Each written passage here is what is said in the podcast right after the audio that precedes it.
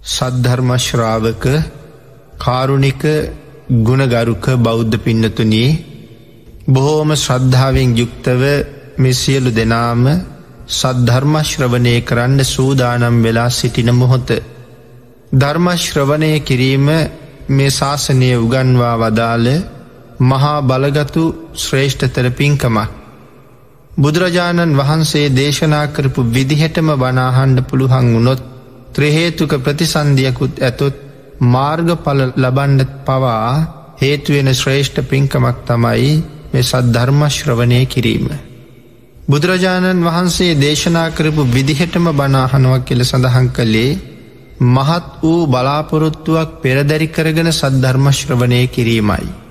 ඒ බලාපොරොත්තුව පිළිබඳව සෙහිපත් කළොත් අනීවරණ කුස්සූත්‍රයෙන් තමයි පැහැදිලි වෙන්නේ මේ ධර්ම දේශනාව ශ්‍රවණය කරන අතරතුරදීම මාගේ පංච නීවරණ ධර්මයන් යටපත් වේවා සප්ත බෝධ්‍යාංග ආදී ධර්මයන් වැඩී දියුණු වේවා මේ දේශනාව අතරතුරදීම මට උතුම් මාර්ගඵලයක් අවබෝධ වේවා කෙන සිතින් යුක්තව සද්ධර්මශ්‍රවනය කරන්නයි භාග්‍යතුන් වහස පැහැදිලි කළේ. අපි උත්සාහ කරමු පින්නතුන ඒ විදිහට ධර්මශ්‍රවනය කරන්න පුරුදුවෙන්ඩ. අද ධර්මදේශනාවේ මාතෘකාව හැටියට මජ්්‍යම නිකායේ සඳහන් වන මාගන්දිය කියන සූත්‍රය අද ධර්ම මාතෘකාව බවට පත් කරගන්න කල්පනා කළා. බොහොම ගැඹුරු සූත්‍රයක් ඉතා දීර්ඝ සූත්‍රයක්. නමුත් කාලවේලාවට අනුව අපි කෙටියෙන් ධර්මකාරණා කීපයක් සාකච්ඡා කරමු මේ පංචකාම සම්පත් පිළිබඳව එහි තියෙන සුවය ආදීනවය පිළිබඳව මනාව පැහැදිලි කරන ශ්‍රේෂ්ඨ දේශනාවක් මාගන්දිය සූත්‍රය. පින්නතින අපේ බුදුරජාණන් වහන්සේ සැවත්නුවර ජේතවනාරාමි වැඩඉන්න කාලේ මහා කරුණා සමාපත්තියෙන් ලෝක ධාතුව බලා වදාරණ වෙලාවෙ තමයි භාග්‍යතුන් වහන්සේ මේ මාගන්දිය කියන අන්‍ය තීර්ථක බ්‍රහ්මණයව දැක්කේ. බුදුරජාණන් වහන්සේගේ කරුණා නෙතට ගැටුනේ සංසාරය ඔහුට බොහෝම පින් තියෙන නිසා.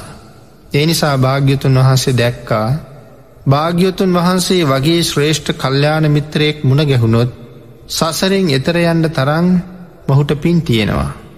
එනිසා මොහු සංසාරයෙන් එතර කරවිය යුතුයි.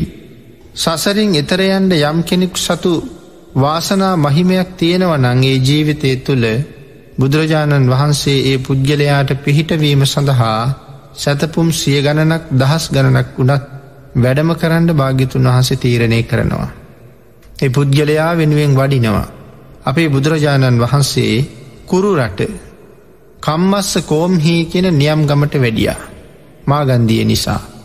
එතකොට මේ දේශනාව කරන්නේ කුරුරට කම්මස්ස කෝම්හි කියෙන නියම් ගමේදී. අපේ බුදුරජාණන් වහන්සේ මේ නියම් ගමේ ජීවත් වනා භරද්වාජ ගෝත්‍ර කියල බමුණේ. මේ බරද්වාජගේ ගෙදරට භාග්‍යතුන් වහස වැඩම කරලා බරද්වාජගෙන් ඇහුව බරද්වාජය මට දින කීපයක් ඔබේ ගිනිහල්ගේ නවාතැන් දෙන්න පුළුහන්ද කියලා.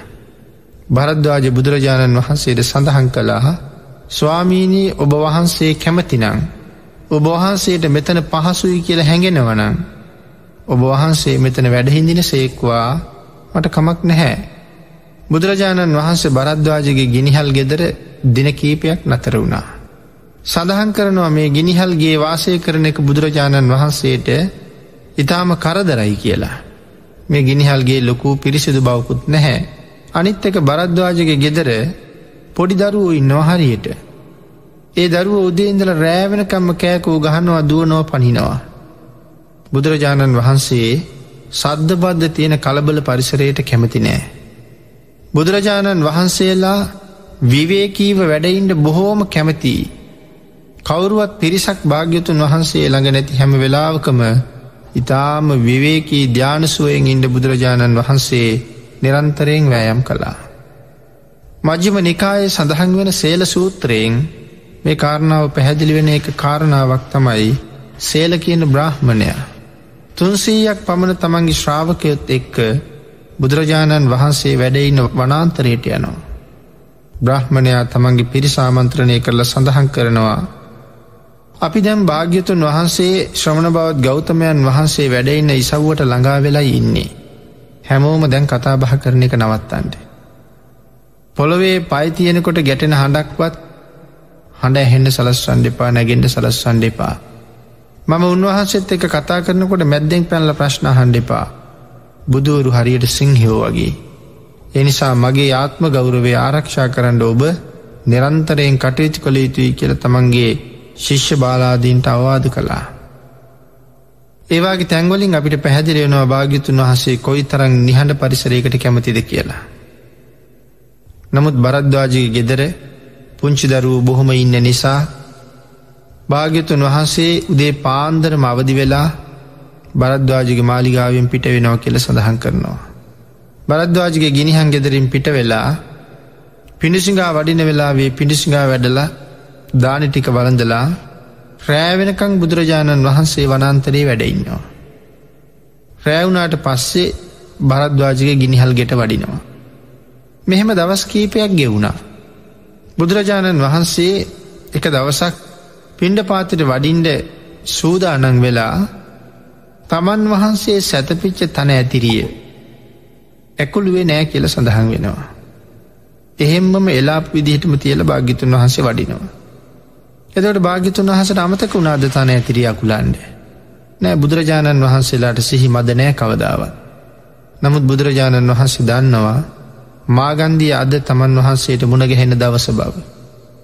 මාගන්දියත් එක්ක කතාවට වැටෙන්නේ මාගන්දිය මා පිළිබඳව කරුණු විමසන්නේ මෙන්න මේ තන ඇතිරිය හින්දයි. එහින්ද මාගන්දියට දකිින්ට තන ඇතිරිය එහෙම්මම ඉතුරු කරලා තමයි පිණ්ඩ පාතර වැඩිය. එදා හවස් වරුවේ මේ මාගන්දිය කියන බ්‍රහ්මණයා තමන්ගේ මාලිගාවෙන් එලියට බැස්සා. කුමක් සඳහාද ජංගා විහරණය සඳහා කියල සඳහන් කරනවා. මොකදද මේ ජංගා විහරණය කියල කියන්නේ එතකොට. පිනත්ේ පාදවලට ව්‍යායෑමවීම සඳහා. ඇවිදිනවා. ආං එහෙම ඇවිදගෙන යන අතර මේ බරද්වාජගේ ගෙදරට ටිකක් ගොඩ වැදෙනවා.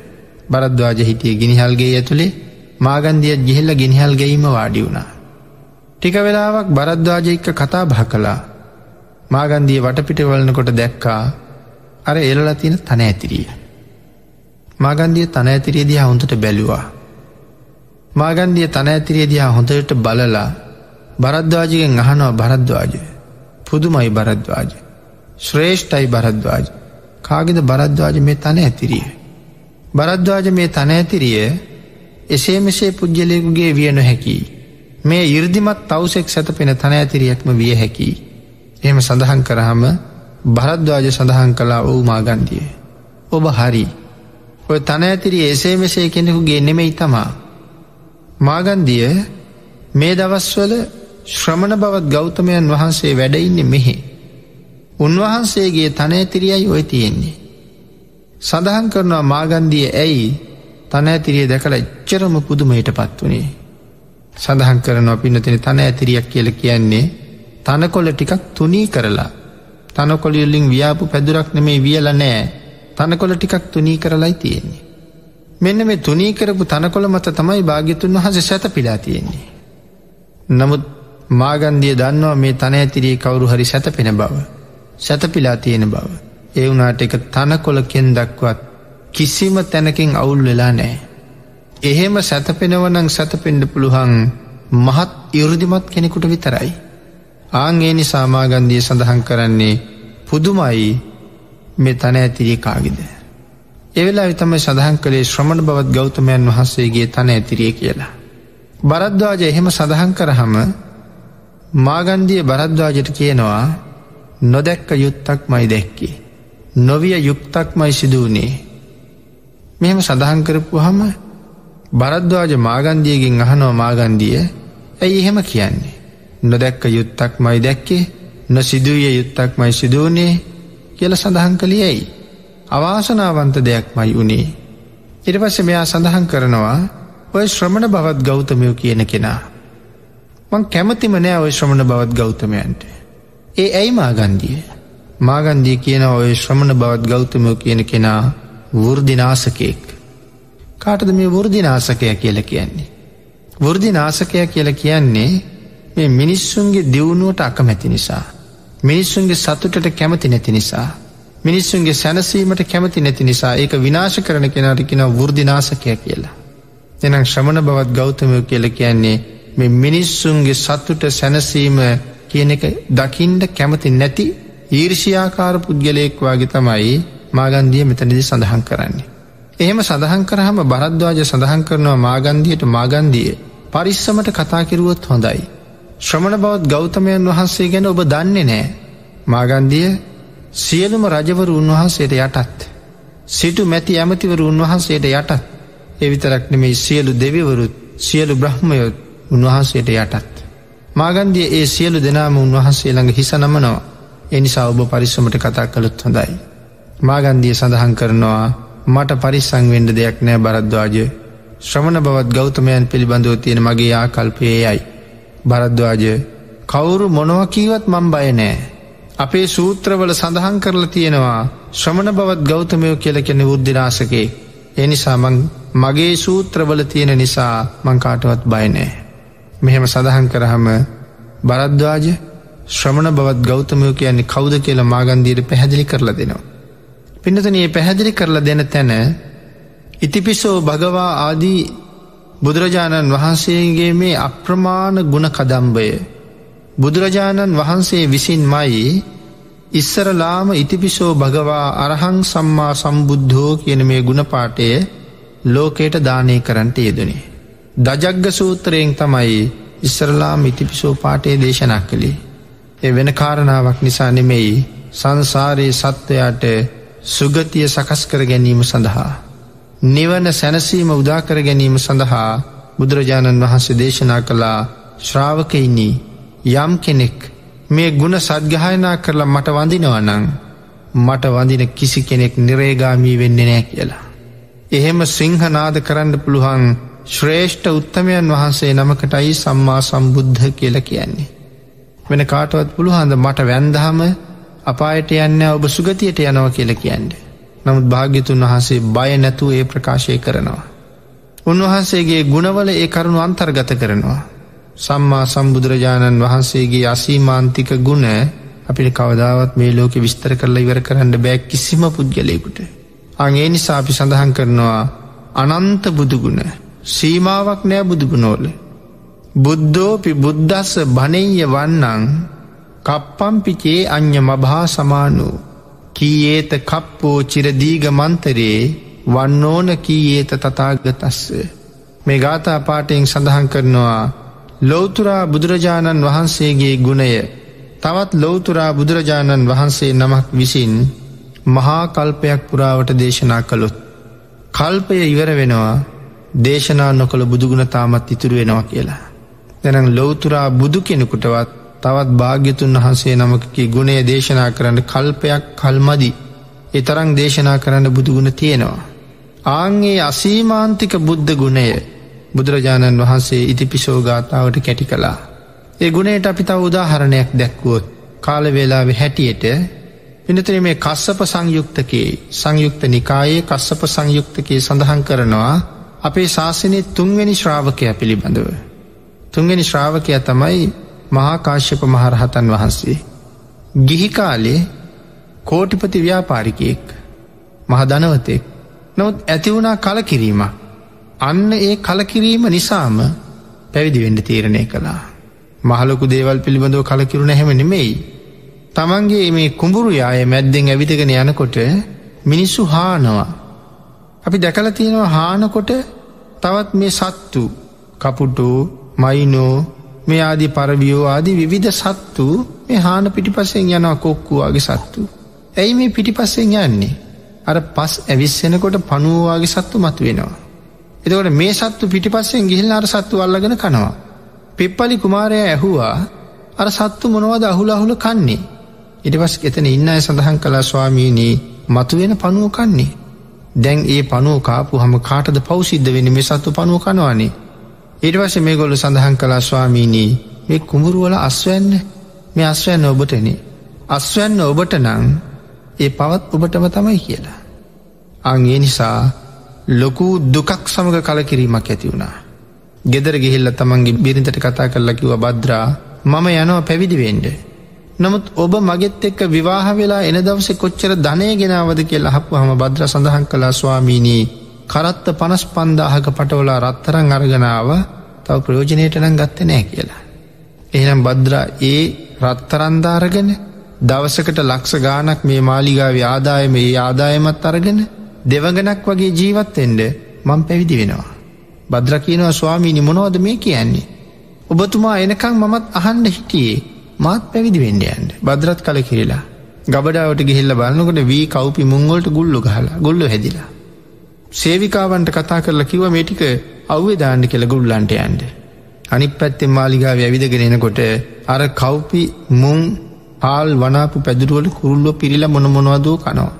ඇහෝ මොනවදර කුරුල්ලො කන්නේ අර තැංගොල. සඳහන් කලා ස්වාමීනී ඔය ධාන්‍යවල හිටපු ගුල්ලු අහුලගෙන කන්නේ. එතකොට ඒගේ පව්කාටද. සඳහන් කළ ආර්යාවිනී අව්‍ය දාණ්ඩ කිව ඔබතුමිය. එනිසා පෞත් ඔබතුමියටමයි. ඒකට කල කිරිල ඉන්නේ. ඉදි ස්වාමයා ඇවිල්ල පැවිදිවෙන්ඩ යනවා කියනට මත් වෙනවා. දෙන්නම පැවිදි වුණා. එදි මේ කතාව හරි ලස්සනයි දිගයි. මේ දෙන්න මගදී සමුගත්තා. දෙමං හන්දියකදී සදහටම සමුගත්තා. දෙන්න දෙපැත්තට වෙංවෙන කොට මහපොලෝ වෙවුලුවා කියල සඳහන් වෙනවා. අවේලාවේ මාපොලෝ වෙවුලුවේ ඇයි කියලා හපු හම් භාග්‍යතුන් වහස සඳහන් කළා පිප්පලී බද්‍රයි සංසාරයෙන් සදහට මද සමුගණ්ඩ දෙපැත්තට පෙන්ගුණා කියලා. ස්වාමීනි මේ ගැහැනියෙක් පිරිමෙක් වෙන්ගුන් හම මහපොලො වෙවුලන්නේ ඇයි. සඳහන් කලා මේ දෙන්නා කල්ප ගානක් සංසාරයේ සැමියයි බිරිඳයි සැමියයි බිරිඳයි සැමියයි බිරිඳයි වෙවියෙන දෙන්නේ. හැබැයි සැමියයි බිරිඳයි වෙලා එනවා මහ පින් නිසා කවදාවත්ම මේ ගොල්ලන්ගේ පතිවෘතාව බිඳගෙන නෑ. කොහොම පතිවතක් රැකලද. සඳහන් කරනවා මේ බිරිඳ තමන්ගේ ස්වාමයා සමග එකතු වෙච්ච දවසේ ඉඳලා කවදාවත් අන්‍ය පුරුෂයෙක් පිළිබඳව හිතිංවත් හිතල සතුටුනේ නෑ. කායික ඇසුරක් තබා හිතිංවත් සතුටුනේ නෑ මේ ස්වාමියත් තමන්ගේ බිරිඳ හැර තවත් කාන්තාවක් දිහාබල්ල හිතිංවත් සතුටු නොවිච්ච තරං පුදුම බ්‍රහ්මචරියාවක් මෙගොල්ලු ආරක්ෂා කලා උතුම් සීලයක් මෙගොල්ලු ආරක්ෂා කලා බ්‍රහ්මචරියාව කියල සඳහන් කළ එතන පතිවෘතාවක් ආරක්ෂා කළා. අන්න එහෙම සිල් රැකපු අය මෙහෙම වෙන්වෙනකොට එක විශ්වයට දරාගණඩ බෑ කියල සඳහන් කළ එනිසා මහපොළොවෙ උළුවා. එහෙම සඳහන් කරල බුදුරජාණන් වහන්සේ දන්නවා මේ සම්බුද්ධ ශාසනය තුන්ගෙන ශ්‍රාවකය ආදමං හොයාගෙනනවා. භාගිතුන් වහස ගහක් මුලට වැඩල වනන්තරේ ඒ ගහමුල වැඩ හිටියා පිප්පලි කුමාරයට තමන් වහන්සේ වැඩඉන්න තැන අඳුන ගණ්ඩුවන නිසා ආශ්චර්යමත් බුද්ධ රශ්මියක් විහිදෙව්ව කෙල සඳහන් කරනවා. අපේ ගෞතම සම්මා සම්බුදුරජාණන් වහන්සේ විහිදවන්ට යෙදන ආශ්චර්යවත්ම රශ්මි ධාරාවන්ගෙන් එකක් විය හැකි එදා විහිද වන්ඩ ඇත්තේ. අටකතාව පැහැදිලි කරනවා බුදුරැස් විහිදිච්ච හැටි. රත වගේ රතරෝධ වගේ කුටි වගේ විශාල කැට කැට තමයි බුදුරැස් විහිදිලා තියෙන්නේ රශ්මි පුංජයන් විහිදෙව්ව කියල සඳහන් කරන්නේ එකයි. රථයක් වගේ වෙච්චහම අඩි හතරක් අඩිහයක් වගේ දිගයි පලලයි. කුටියක් වෙච්චහම අඩි දහයක් අඩි නමයක් අටක් ඒවාගේ දිගයි පලලයි. රතරෝධයක් වෙච්චහමත් අපි රතරෝධ දැකල තියෙනවා. මේ වගේ ලොකු ලොකු රශ්මි ධාරා කැට කැට විහිදෙන්නේ. ඒ රශ්මි විහිදිලා අහසට ගිහිල්ල එකට හැප්ප වෙනවා මේ බුදු ප්‍රස් කැට ෂඩ්වර්ණ රශ්මිය විහිදෙනවා මේ බෝල බෝල ගැටෙනවා. ගැටෙනකොට අර මල් වෙඩිල්ලක් පුපුරනෝ වගේ ඉහිරෙනවා. ලොකුලොකු කෑලි ඉහිරෙනවා එව්වත් ආය ගැටෙනවා එව්වත් ඉහිරෙනවා එව්වත් ගැටෙනවා එව්වත් ඉහිරෙනවා මල් වරුසාවක් වගේ මුළු අහසම ෂඩ්ඩරුන් රශ්මියෙන් බැබලෙන්ට පටන්ගන්න මුළු වනාන්තරයට මෙලිය වැටිලා. මුළු අහසට මෙලිය වැටිලා. පිප්පලි කුමාරය ඈතින් දැකලා මේ එලිය විහිදවන්නේ මගේ ශාස්තෘන් වහන්සේ විය හැකි. වනන්තරයට ඇතුල් වෙලා බලහම ඈත නුගගහක් ළඟින් විහිදෙන බව පේනවා. සඳහන් කරනවා එත නිදල නං මුව මඩල බැලුව නෑ කියලා. බිම් බලාගෙන නැමි නැමී නැමි නැමී ගිහිල්ලා වැඳගෙන වැටිල කියනවා ස්වාමීනී ඔබයි මගේ ශාස්තෘූ ස්වාමීනී ඔබයි මගේ ශාස්තෘූ. එම සඳහන් කරහම බුදුරජාණන් වහන්සේ උත්තරයක් දෙනවා කාශ්‍යපය මම තමයි ඔබේ ශාස්තෘූ. උත්තර දීල සඳහන් කරනවා කාශ්‍යපය ඔබ වෙනත් කෙනෙක් ළඟට ගිහිල්ල සඳහන් කලා නං ඔබ තමයි මගේ ශාස්තෘූ කියලා ඒ අය උත්තර දුන්නනං ඔවු මම තමයි ශාස්තෘූ කියලා ඒ උත්තරේ නිමාවෙනවත් සමඟ මේ පුද්ගලයාගේ හිස කඳින් ගැලවිලා බිම වැටෙනවා කෙළ සඳහන් කරනවත් තල්ගහකින් ගෙඩියක් ගැලවෙනවා වගේ. කාශ්‍යප කුමාරයා ගිහි කාලේ ඒ තරං ගුණවත් බුදුරජාණන් වහන්සේ හැර කාශ්‍යප කුමාරයට මමයි ශාස්තෘූ කෙල කියන්න කෙනෙක් ලෝක ධාතුවේ නැති තරන්. ඒ නිසා දේශනා කරනවා බුදුරජාණන් වහන්සේම කාශ්‍යපය ඔබ මහා සාගරයේ ළඟට ගිහිල්ල දනගහල කිව්වොත් මහසාගරයේ ඔබ මගේ ශාස්තෘූ කියලා මහසාගරයේ එක අනුමත කරනවා නං ඇහි පිල්ලං ගහන නිමේශයෙන් සාගරයේ වේලෙනවා කියලා. මේ මහ පෘතුවයට දනගහල කාශ්‍යප කුමාරයා කිවොත් මහ පෘතුවිය ඔබ මගේ ශාස්තෘූ කියලා ඒ ගුණ කඳ දරන්ඩ බැරුව මහපොලෝ වෙවුලනවා කියල සඳහන් වෙනවා. යොදුන් එක්ලක්ෂ හැට අටදාහක් උස මහාමේරු පරුවතරාජයාළඟට ගිහිල්ල කාශ්‍යප කුමාරයා කිවොත් මහමේරුව ඔබ මගේ ශාස්තෘූ කියලා සඳහන් කරනවා අතට ගත්ත දහයියා මිටක් අත ඇතෑරී හම නැවත ඉහිරෙනවා වගේ මිටමලෝලා තියෙන දහයිය මිට මහමේරු පරුවතරාජයත් ඉහිරෙන්ඩ පටන් ගන්නවා කාශ්‍යප කුමාරයාගේ ගුණේ දරන්න බැරුව කියලා. එවන් මහගුණයක් කාශ්‍යප කුමාරයා සතුයි බුදුරජාණන් වහන්සේ සඳහන් කරනවා කාශ්‍යපය. ඔබවාගේ ගුණවතුන් කෝටියක් ප්‍රකෝටියක් මගෙළඟට ඇවිල්ල රැස්වෙලා කිවොත් ස්වාමීනී ඔබ අපේ ශාස්තෘූ කියලා බුදුරජාණන් වහන්සේ සඳහන් කරනවා කාශ්‍යපය දෙපාරක් හිතන්නැතු මං උත්තර දෙනවා ඔහු කාශ්‍යපය මම තමයි ඔබලාගේ ශාස්තෘූ කියලා. සඳහන් කරනවා කාශ්‍යපය මුලින් සඳහන් කළේ ඔබේ ගුණවල මේ පෘතුවයට සාගරයට මහමේරුවට ගුණේ දරන්න බැරි හැටි. ඔබ වගේ ගුණවතුන් ලක්ෂයක් කෝටියක් ප්‍රකෝටියක් මගෙළඟ සඳහන් කරහම මම ශාස්තෘූ කියලා කියනවා. ඔබලාගේ ගුණයට මේ සම්මා සම්බුද්ධ ශරීරයේ එක රෝමකූපයක් හොළොවන්ඩ බෑ කියල දේශනා කරනවා. පාන්සුකූල චීවරයේ පෙන්න ලබාගිතුන් වහස දේශනා කරනවා කාශ්‍යපය ඔබලාගේ ගුණයට මේ පාන්සුකුල චීවරයේ කොනවත් හොල්ලන්ඩ බෑ කියලා. ආන්ගේ අසීමාන්තික ගුණය ලෝකයට දානය කළා ඉතිපිසෝ භගවා අරහං සම්මා සම්බුද්ධෝ කියන මේ ගුණ පාටයෙන් ගුණ නමයක් හැටියට කැටි කළේ සරුවඥතා ඥානයෙන් දැකලා.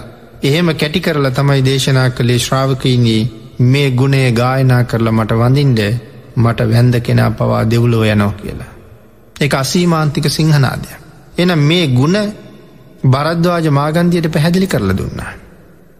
එමට මාගන්දී පිළිගන්න හැ මාගන්දියගෙන් ඇහුව මාගන්දිය එහෙනම් උන්වහන්සේ ආවට පස්සේ මං උන්වහන්සේට කියනවා උන්වහන්සේට ඔබ චෝදනා කලා කියලා. මගන්දී කියනවා කියන්න. මාව රකිින්ඩ ලෑස්ති වෙන්ඩ එපා මං බයනය අපේ සූත්‍රෝල එන හිද මම කියන්නේ. පිනතුනි මාගන්දිය යන්ඩ ගියා බුදුරජාණන් වහන්සේදා කල්තියම බරද්වාජික ගෙදර වැඩිය. බරද්වාජ ටික වෙලාවක් කතා කරනකොට බුදුරජාණන් වහන්සේ හුව බරද්වාජය මාගන්දියත් එක්ක මගේ තන ඇතිරිය පිළිබඳව යම් කතා බහක් ඇති වුණාද කියලා. ඒ වෙලායි බරද්වාජයට හරි පුදුමයි මහා පුරුෂයන් වහන්සේ ඇස් දෙකෙන් බලාගෙන හිටිය වගේ කන් දෙකින් අහගෙන හිටිය වගේ තන ඇතිරිය පිළිබඳව කතාවක් ඇතිවුණාද කෙළ ඇහුව නේද. පුදුමයට පත්වෙලා කියනවා ස්වාමීනී එහෙමයි. මාගන්දිය ඔබහන්සේට බැන්න වෘදිනාසකය කියලකිවා. ම මාගන්දියගෙන් ඇහුව ඔබහන්සට එක කියන්නම් කියල කියන්න කිව මාගන්දිය බයනෑ කිව්වා. මේ සාකච්ඡාව යනාතරි මාගන්දිය ජංගාවිහරණයේ දෙවනි පියවර ආපහු බරද්වාජික ගෙදරාවා. ආංගේ වෙලායි බරද්වාජ මාගන්දියට කතා කලා මාගන්දිය මෙන්න ගෞතමයන් වහන්සේ වැඩල ඉන්නවා. ඔබේ ප්‍රශ්නි මං උන්වහන්සේට සඳහන් කළා. තැන් විසඳගණ්ඩ. මං කීව ඔබ උන්වහන්සේට බැන්න කියලා. මාගන්දියත් ගෙනහල් ගෙට මාව කතාවට වැටුන බුදුරජාණන් වහන්සේත් එක්ක බුදුරජාණන් වහන්සේ ඇහුව මාගන්දිය මට චෝදනා කලා කියන්නේ ඇත්තද. ඔවු ගෞතමයින්නේ මං ඔබට චෝදනා කලා. මං ඔබට වෘදිනාසකය කියල කිව්වා. මාගන්දිය ඇයි මට වෘදිනාසකය කියල කිවේ. නෑස්වාමීනි මිනිස්සුන්ට ඉන්ද්‍රියන් හම්බ වෙලා තියෙන්නේ සැපවිඳින්ට. ඔබ වහන්සේගේ යම් දේශනාවක් වෙත්නම් ඒ හැම දේශනාවෙන්ම ඔබ වහන්ස පැහැදිලි කරනවා ඇහැ පාලනය කරන්න කනපාලනය කරන්න දිවපාලනය කරන්න කයපාලනය කරන්න මනස පාලනය කරන්න ඔබවහන්සේ එහෙම්මම තමයි දේශනා කරලා තියෙන්නේ. නමුත් මිනිස්සුන්ට ඉන්ද්‍රියන් හම්බුනේ පාලනය කරගෙන බැඳගෙන ගැටගහගෙන හංගගෙන වහගෙන ඉන්න නෙමෙයි මිනිස්සුන්ට ඉන්ද්‍රියන් හම්බුනේ ඒ ඉන්ද්‍රියන්ගෙන් සැපවිඳින්ට. ආං ඒ වෙලා බුදුරජාණන් වහන්සේ මාගන්දියගෙන් අහනවා මාගන්දිය මම ඇහැ පාලනය කරලා ඇහැ පාලනය කිරීම සඳහා ධර්ම දේශනා කරා. කන පාලනය කලා කන පාලනය කිරීම උදෙසා ධර්ම දේශනා කළා. කය පාලනය කරගෙන හිත පාලනය කරගෙන ඒ ඉන්ද්‍රියන් පාලනය කිරීමේ තියෙන වැදගත්කම පිළිබඳව ධර්ම දේශනා කළා. මාගන්දිය ඔබ සඳහන් කරන විදිහට ඔය පංචකාමය ඇති සැපයක් නෑ මාගන්දිය. මාගන්දිය ගිහි ගෙදර හිටපු කාලෙ මංවිදපු පංචකාමය තරං සැපයක් විඳපු තවත් ගිහි මනුස්සයෙක් මේ ලෝකෙ ඉන්නවද කියලා මම සඳහන් කරන්නෑ මාගන්දිය. ඒ තරං සැප ඔය අවුරුදු විසි නමයක් ගිහි ගෙදරට වෙලා මංවින්ද මාගන්දිය. භාග්‍යතුන් වහස මාගන්දියට පැහැදිලි කරලා දෙනවා උන්වහන්සේ ගිහි කාලි විඳපු සැප පිළිබඳව. අපේ බුදුරජාණන් වහන්සේ මාගන්දියට පැහැදිලි කරලා දුන්නේ අප්‍රමාණ සැප මේ වෙලාව සඳහන් කරන්න කාලේ නෙමෙයි එක කරුණක් සඳහන් කළොත් සඳහන් කරනවා පින්නතනි සිද්ධාර්ථ කුමාරයට මාලිගා තුනක් තිබ්බ දාසේවයිසිදී. ඒ මාලිගා තුනේ එක මාලිගාවක් තමයි මේ ග්‍රේෂ්ම කාලයට ඉන්න මාලිගාව. ග්‍රේෂ්ම කාලට ඉන්න මාලිගාව තට්ටු පහයි කියල සඳහන් කරනවා. මාලිගාව කොච්චර ලොකුද කියලා බුදුරජාණන් වහන්සේ මයි පැහැදිලි කරන්නේ මාගන්දී සූත්‍රට්ට කතාවේ. පිනතින මේ මාලිගාව ජීවත්වෙච ජනගහනේ මේ තට්ටු පහේ සඳහන් කරනවා එක්ලක් සනු හයදාහක් කියලා. එක ගයක් ඇතුළ ජීවත්වෙච ජනගහනේ. අපිට සමහරලාට හිතෙන්ට පුළුවන් අතීතය ගැන අපි මොකවත් දන්නේ නැති හින්ද එහෙම ගෙවල් තියෙන්ට පුළුහන්ද කියලා. හැබැ අතීතය අපිට වඩා බොහෝම දියුණුයි අතීතයත් එක සංසන්ධනය කරහම වර්තමාන අපේ දියුණුව ඉතාමත්ම ලදරු මට්ටමක තියෙන්නේ. බුදුරජාණන් වහන්සේගේ කාලේ ගුවන් යාන තිබුණ කියලා කිවොත් අද කාලෙ මංහිතන කාටවත් එක පිළිගණඩ බැරි තරම්. නමුත් එදා ගුවන් යාන හදල තියෙන්නේ වඩු බාස් කෙනෙක්. මේ වගේ මහල්ලොකු විද්‍යාඥයෙක් ප්‍රාග්ඥයෙක් කාර්මික විද්‍යාඥයෙක් නෙමෙයි වඩු බාස් කෙනෙක් තමයි ගුවන් යානයක් හදල තියෙන්නේ. බෝධිරාජකුමාර වස්තුවේ පිළිබඳව විස්තර සඳහන් කරනවා. එතරං අතීතය ඉතාම දියුණුයි අතීතයේ දියුණුව සාකච්ඡා කිරීම හරි ආශ්චර්ය. ඉළඟට සඳහන් කරනවා මේ එක්ලක් සනූහයදා හම කාන්තාව කියලා. සුද්දෝදන් රජ්ජුරුවෝ දොරක් ගාව මුරටවත් පිරිමි කෙනෙක් තිබෙනෑ එහෙම සැප පිරිමි දකිින්ඩවත් එපා කියලා. කුමාරයා ගිහිගෙට බැඳගන්ඩ. නමුත් මාගන්දිය විසි නමේ වයසේ මෙ සියල්ලගේ තියෙන නිශ්ාරත්වය දැකලා මංගේ ගිහිගෙයින් පිට වුණාමාගන්දිය. ගිහි ගෙදරින් පිටවුනාට පස්සේ උන්වහන්සේ විඳපු ධ්‍යානසුවය මාගන්දිය මට හම්බුනා ගිහි ගෙදරින් පිටවෙලා ආවට පස්සේ විවේකයෙන් උපන්න ධ්‍යානසුවය මාගන්දිය ප්‍රථමධ්‍යාන සුවය කියන එක පංචකාම දිව්‍යලෝක සුවයට වඩා උතුම් ප්‍රථමධ්‍යාන සුවය කියන එක දිවියලෝක සුවයට වඩා උතුම් මාගන්දිය කියල සඳහන් කළා. ප්‍රථමධ්‍යානයේ දිව්‍යලෝක සුවයට වඩා උතුන් නම් දිටී අධ්‍යානයේ තෘතිී අධ්‍යානයේ චතුෘත අධ්‍යානය කොයි තර මුතුම් වෙන්ඩ ඇද්ද. පංචකාමයෙන් මිරිච්ච හින්දයි මේ සුව උන්වහසට හම්බ වනේ. මේක පැහැදිලි කරලා දීලා මාගන්දියට උදාහරණයක් සඳහන් කළා. මාගන්දිය ඇඟ පුරාම කුෂ්ට හැදිච්ච මිනිහෙක්. මේ මිනිහ උදේන්ද්‍ර රෑවෙනකං කහනවා. රෑයින්දල එලි වෙනකුණුත් කසනවා. මෙයා කසනව කසනවා මෙයාගේ කැසිල්ල ඉවරයක් නෑ. දිය වැක්කෙරෙනවා ශරීරයෙන් දුමක්වත් ඇගේ දාගෙනින්ට බෑ කසනවා. කසල කසල ඉවසන්ඩ බැරිතන මේ අහිංසකයා යකඩ කබලක් ලිපේදාලා අඹ දල්ලවාගේ රතුපාට වුණාට පස්සේ ඒ අරගෙන තමන්ගේ ශරීරයේ ගෑවී නොගෑවීමෙන් මේ කබල ලංකර කර අර බිබිලි කහලා කැඩිච්ච බිබිලි තවනවා. එහෙම තවනකොට මෙයාට දැනෙනවා පුංචි සතුටක් අර කබලෙන් තැවෙනවා තුවාල රත්වෙනවා තුවාල ඇතුළි තියෙන දිය බින්දුව පිච්චෙනවා මෙයට දැනෙන පුංචි සතුටක්. මාගන්දිය පස්සෙ කාලෙ මෙයාගේ කැසිල්ල සනීප වෙනවා. ද සනීප වෙච්ච මේ මනුස්සයා පාරි බැහල යනවා යනකොට දකිනවා තමන්ට හැදිල තිබිච්ච කුෂ්ටරෝග හැදිච්ච තව මිනිහෙක්. එමනුස්සයා අරවාගේම කබලක් කරන්න තවාගන්නවා. මාගන්දිය කලින් තවල පුරුදුවක් කෙනට දැන් හිතෙනවද දුවගෙන දුවගෙන ගිහිල් අර කබල උදුරලාරන් තවා ගණ්ඩ. අනේ නෑ ස්වාමීණි කෙලකීවා. ඇයි මාගන්දී හිතෙන් නැත්තේ. ස්වාමීනී ඔය කබලෙන් තවනකොට දුකයි. ඒනම් මාගන්දී එදා තැව්වේ ස්වාමීණි එදා තවනකොටත් දුකයි. නමුත් සැපයි වගේ හිතුනා. සැබයි වගේ හිතුනෙ ස්වාමීණි කායප්පසාදය වෙනස් වෙලා තිබ්බ හින්දා. නැත්තං ස්වාමීනියෝකෙන් තවනකොට එදත් දුකයි අදත් දුකයි හෙටත් දුකයි යෝකින් තවනකොට. අන්න බුදුරජාණන් වහස පැහැදිලි කලා මාගන්දිය. මේ පංචකාම සම්පත් ගිලගෙන විඳගෙන ඉන්න මිනිස්සුන්ට හිතෙනවා මීට වඩා උතුම් සැපයක් ලෝකෙනෑ කියලා.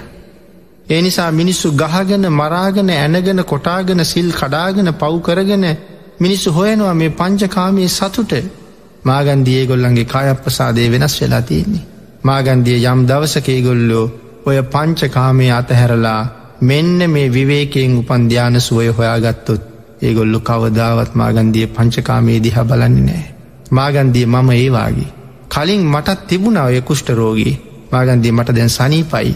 මාගන්දිය මම විවේකයෙන් උපන් ධ්‍යාන සුවය හොයා ගත්තා. මාගන්දිය එතකොට එහෙම කෙනෙකුට ආයෙත් හිතෙනවද ගිහිල්ලාර පංචකාම සම්පත් නැවති මඩවලේ පැනල එහා ඉමහේ දඟලන්ඩ මාගන්දීකිව නෑස්වාමීණි. මාගන්දිය එහෙනම් ඔබට දැන් තේරෙනවාද. මේ ඉන්ද්‍රියන් පාලනය කිරීම තුළ සැපයක් තියෙනවා මිස කවදාවත් ඉන්ද්‍රියන්ට වහල්වීම තුළ සැපයක් නැති බව. මේ කරුණ පැහැදිලි කරල දී ලබාගිතුන් වහසේ අහනවා මාගන්දිය. ඔබේ සූත්‍රවල තියෙන්නේ මේ ඇහැ පාලනය කරන්න නැතුව ඉන්නකොට නැත්තම් මේ පංච ඉන්ද්‍රියන්ගෙන් සුව හොයන්ට කියලන්නේ මාගන්දිය මං ඔබෙන් ප්‍රශ්නයක් අහනවා. ඔබ කීවේ ඇහැ වඩන්ඩෝ නෑ රූප බලන්ඩෝ නෑ දැකල නැති ලස්සන රූප හොය හොයා ගිහිල්ල බලන්ඩෝන් එතමයි මාගන්දියලෙක් සූත්‍රෝල තියෙන්නේ. ඇහැ වඩන්ඩ හෝනෑ රූප හොයන්ඩෝන රූප බලන්ඩෝන දැක්කට වඩා ලස්සන රූප හොය හොයා ගිහිල්ල බලන්ඩෝනෑ. ඇබැ පිනතින ඒක බුද්ධහගම නෙමෙයි. නමුත් අද අද ලෝක තියෙන්නේ මේක නෙමෙයිද කියල කල්පනා කරල බැලුවත් එහනම් අද තියෙන භාග්‍යතුන් වහසගේ දර්ශනය නෙමෙයි මාගන්දියගේ දර්ශනය. ඇහැ වඩන්ඩෝන රූප හොයන්ඩෝන රූප බලන්ඩෝන දැක්කට වඩා ලස්සන රූප හොය හොයාගිහිල්ල බලන්ඩෝනේ. බුදුරජාණන් වහස මාගන්දියගෙන් අහනෝ මාගන්දිය රූප හොයලා රූප බලලා රූප රසවිඳලා රූප තෘෂ්ණාවෙන් මත්වෙලා ඉඳලා ආදීනව දකිනෑ ගැන මොනවදෝගොල්ලන්ගේ සූත්‍රවල කියල තියෙන කියලා. මාගන්දිය කියනවා ස්වාමීණී එහෙම මොකොත් අපේ සූත්‍රවල නෑනේ බුදුරජාණන් වහන්සේ මාගන්දියට පැහැදිලි කරල දුන්නා. මිනතන මේ කාරණාව අපේ ලෝකින් උදාහරණ අරං කොච්චර හොය හැකිද. කෙනෙක් ඇවිදගෙන යනකොට මේ ජීවිතය හම්බුණා ලස්සන රූපයක්. තමන්ගේ ඇහැ නවතින රූපයක් හම්බුණා. ඒ රූපයෙන් අපි අපේ කරගත්තේ. මේ ලෝක අන් සියලු දෙනාටම වඩා මට හොඳයි කියලා හිටිච්ච කෙන අපේ කරගත්තා. ඒ රූපය කවරුහරි මං ගන්නවට අකමැති වෙනවනං එක්කොමන් ජීවිතය විනාශ කරගත්තා. හිත පාලනය කරගණ්ඩ බෑ ඔහු නැත්තං ඇය මට නැත්තම් මට එපා ජීවිතේ. සමහරය ඇය ඔහු මට ඉන්නවනං වෙන සම්පත් එපා. අම්මතාත්තත් එපා ඒ දෙන්නගේ දායාදත් එපා අධ්‍යාපනයක්ත් එපා මෙ සියලුම දේවල් එපා අපි දෙන්නට අපි ඉන්නවනං ඇති කියලා ගොල්ල අන්ඩ ගියා. කමක් නැහැ නමුත් භාග්‍යතුන් වහස ඇහුවනේ ඇහැ පාලනය කලාද කියලා. දැන් එහෙම ගියපු දෙන්න සියල් අත හැරලගියේ අපි දෙන්නට අපි ඇති. ඒ ගියපු දෙන්න ඇහැපාලනය නොකරපු නිසා ඒගොල්ල විවේක තැනක ඉන්න වෙලා ඉස්සරහට ඇවිදගෙනෙන තවත් තරුණ කාන්තාරූපයක් දැක්කොත් අර පිරිමියට හිතනවා ඇය ලස්සනයි මගේ බිරිඳට වඩා කියලා. පළවෙනි පාර ඇදිහා බලනවා දෙවනි පාරත් ඇය දිහා බලනවා බිරිඳ අහක බලාගන්න තුන්ගෙන පාරත් බල. නැගිටලා බිරිඳත් එක ගෙදර ගියාට ඇයත් අරගෙන තමයි යන්න අරානික් කාන්තාව. එතනෙදල කල්පනා කරනවා ඇය ගැනගිහිල්ලා. බිරිඳට හොරෙන් ඇය ඉන්න තැන ඇය යනේන තැන ඇය රැකියාව කරන තැන මෙොක්කොම හොයනවා. හොයලා හිතවත්කම ගොඩනගාගෙන ඒ පැත්තට හිත බැඳෙනවා වැඩිවෙන්ඩ වැඩිවෙන්ඩ මගෙත් එක්ක වැලී බතුයි කාලා ජීවත්තමු කියලා හරි ආපු තැනැත්තිය පිළිබඳව දැන්තියෙන ආදරය අතඇල්ල දැන් අරති බාදරි නෑ අරතිබ ලස්සන වචන නෑ දෙලෙංගතුකම නෑ අන්තිමට ඒක ප්‍රතිඵල හැටියට අපි මේ ලෝක දකිනව. ඇනල මරල කපල මරලා පුච්චලා මරලා මරල එල්ලලා එල්ලලා මරලා. මොකක්ද මේ? ඇහැ පාලනය කරන්න බැරිවෙච්ච නිසා. මට ඇය පමණක් ඇති කියලා අරංආප පුද්ගලයා ඇය දිහා බලලා විතරක් ඇහැ පාලනය කරගත්තනං තවත් කාන්තාවක් දිහ බලන්නේ අන්න ඇහැ පාලනය කරපු නැතිහින්දයි බැලුවේ. අන්න ඒකයි බුදු පියාණන් වහස දේශනා කිරුවේ ඇහැ පාලනය කරන්න එක තැනකින් සීමාවෙන්ඩ කියලා. අනික් ඉන්ද්‍රියන් පිළිබඳවත් ඒ කාරණාවෙන් එහෙම්මම හිතන්ඩෝන. බුදුරජාණන් වහන්සේ ධර්මය විස්තර කරන්න අවසර දුන්න නිසාපයේ උදාහරණය අරගත්තා. භාග්‍යතුන් වහස මාගන්දියට විස්තර කරනවා මෙහෙම මාගන්දියේ. කකුලේ තුවාලයක් නැත්තං ශරීරයේ තුවාලයක් හැදිල තියෙන පුද්ගලයකුගේ තුවාලය වටේට ඇගිල්ලෙන් අතගානකොට දැනෙනව සුවයක්. අපිටත් එහෙමයි. තුවාලයක් හැදිල තියෙනකොට ටික දවසක් යනට තුවාලි දවසන් දෙක වේලීගෙනෙනවා ආං ඒ තුවාලේ වටේට ඇගිල්ලෙන් අතගානකොට අපිට දැනෙනවා සුවයක්. අර වටේට වේලෙන කබල් ටික ගලවනකොට අපිට දැනෙනවා සුවයක්. භාගිතුන් වහස දේශනා කරනවා මාගන්දිය මේ මිනිස්සු මේ පංචකාමයට නතුවෙලා හොයන සැප කොයි වගේද? මේ මිනිස්සු මේ ඇනගෙන මරාගෙන ගහගෙන නඩු කියාගෙන මේ දඟලන්නේ තුවාලයක් වටේට නිය අගින් කහනකොට දැනුනනං යම් සතුටක්. අන්න ඒවාගේ සතුටක් හොයන්ට තමයි මේ ලෝකෙ මේ සියලුම අපරාධ කරලා තියන්නේ. ලෝකෙ සැප කියන එක ඊට වඩා හුඟක් ඇත තියෙන් මාගන්දිය ඒ සැප හම්බෙන්නෙම ඉන්ද්‍රියන් පාලනය කරපු පුද්ගලයට. මේටික පැහැදිලි කරලා ආරෝග්‍ය පරමහලාබා සන්තුට්ටී පරමන්දනං ආරෝග්‍ය පරමාලාබා නිබ්බානම් පරමන්සුකං අට්ටංගිකෝච මක්ගානං කේමං අමතගාමිනං මේ දේශනාව කරහම්මාගන්දි කෑගහල කියන ඔබහන්සේ මයි පළවෙනි පද දෙකෙන් ස්වාමීනී සමානයි කියලා. පළවෙනි පද දෙකින්. වාගිතුන් හසේ හනතුකට අනි පද දෙක? ඒ අපේ සූත්‍රවල නෑ. භාගිතුන් වහසේ හන තේරුම? තේරුම දන්නෙත් නෑ. මාගන්දිය මේ අන්‍ය තීර්ථක මහන බමුණු හරියට අන්දයෝවාගේ පෙර බුදුවරුන්ගේ දේශනාවෙන් මෙව හොරකං කරලා. අන්දයෝවාගේ තේරුම දන්නෑ හොරකං කරගෙන සමාන වෙන්ඩ හදනවා. මේ කාරණාව විස්තර කරලා පැහැදිලි කරලා දුන්න හම මාගන්දී කියනවා ශ්‍රේෂ්ඨයි ශ්‍රේෂ්ඨයි උත්තරේ තරයි ස්වාමීණී හිස්ව තිබිච්ච භාජනයක් පෙරෙව්වා වගේ මුනින් හරවලා තිබිච්ච භාජනයක් උඩුකුරු කලා වගේ හිස්ව තිබිච්ච මගේ ඔළුව දහම් අමාදියෙන් ඔබ වහන්සේ පුරවා උතුරුවාලීවා. මිත්‍යා දෘෂ්ටියෙන් පිරිච්ච මගේ ඔළුව ඔබ වහන්සේ දහම් අමා ජලයෙන් සෝදලා පිරිසිදු කළා. ශ්‍රේෂ්ඨ මහාපුරුෂයන් වහන්සේ මට අනුකම්පා කරලා ඔබහන්සේගේ ශාසනය මට පැවිද්ද ලබා දෙන සේක්වා කියල ඉල්ලීමක් කරහම බුදුරජාණන් වහන්සේ දේශනා කළා මාගන්දිය අන්‍ය තීර්ථකයන් පැවිදි කරනවා නම් මගේ ශාසනයේ හාරමාසයක් පිරිවෙස් පුරන්ඩෝනෑ. මාගන්දී කියනවා හාරමාසයක් නෙමෙයි ස්වාමීණී අවුරුදු හතරක් පිරිවෙස් පුරන්නම් මම් පැවිදි කරනවද කියලෙහවා.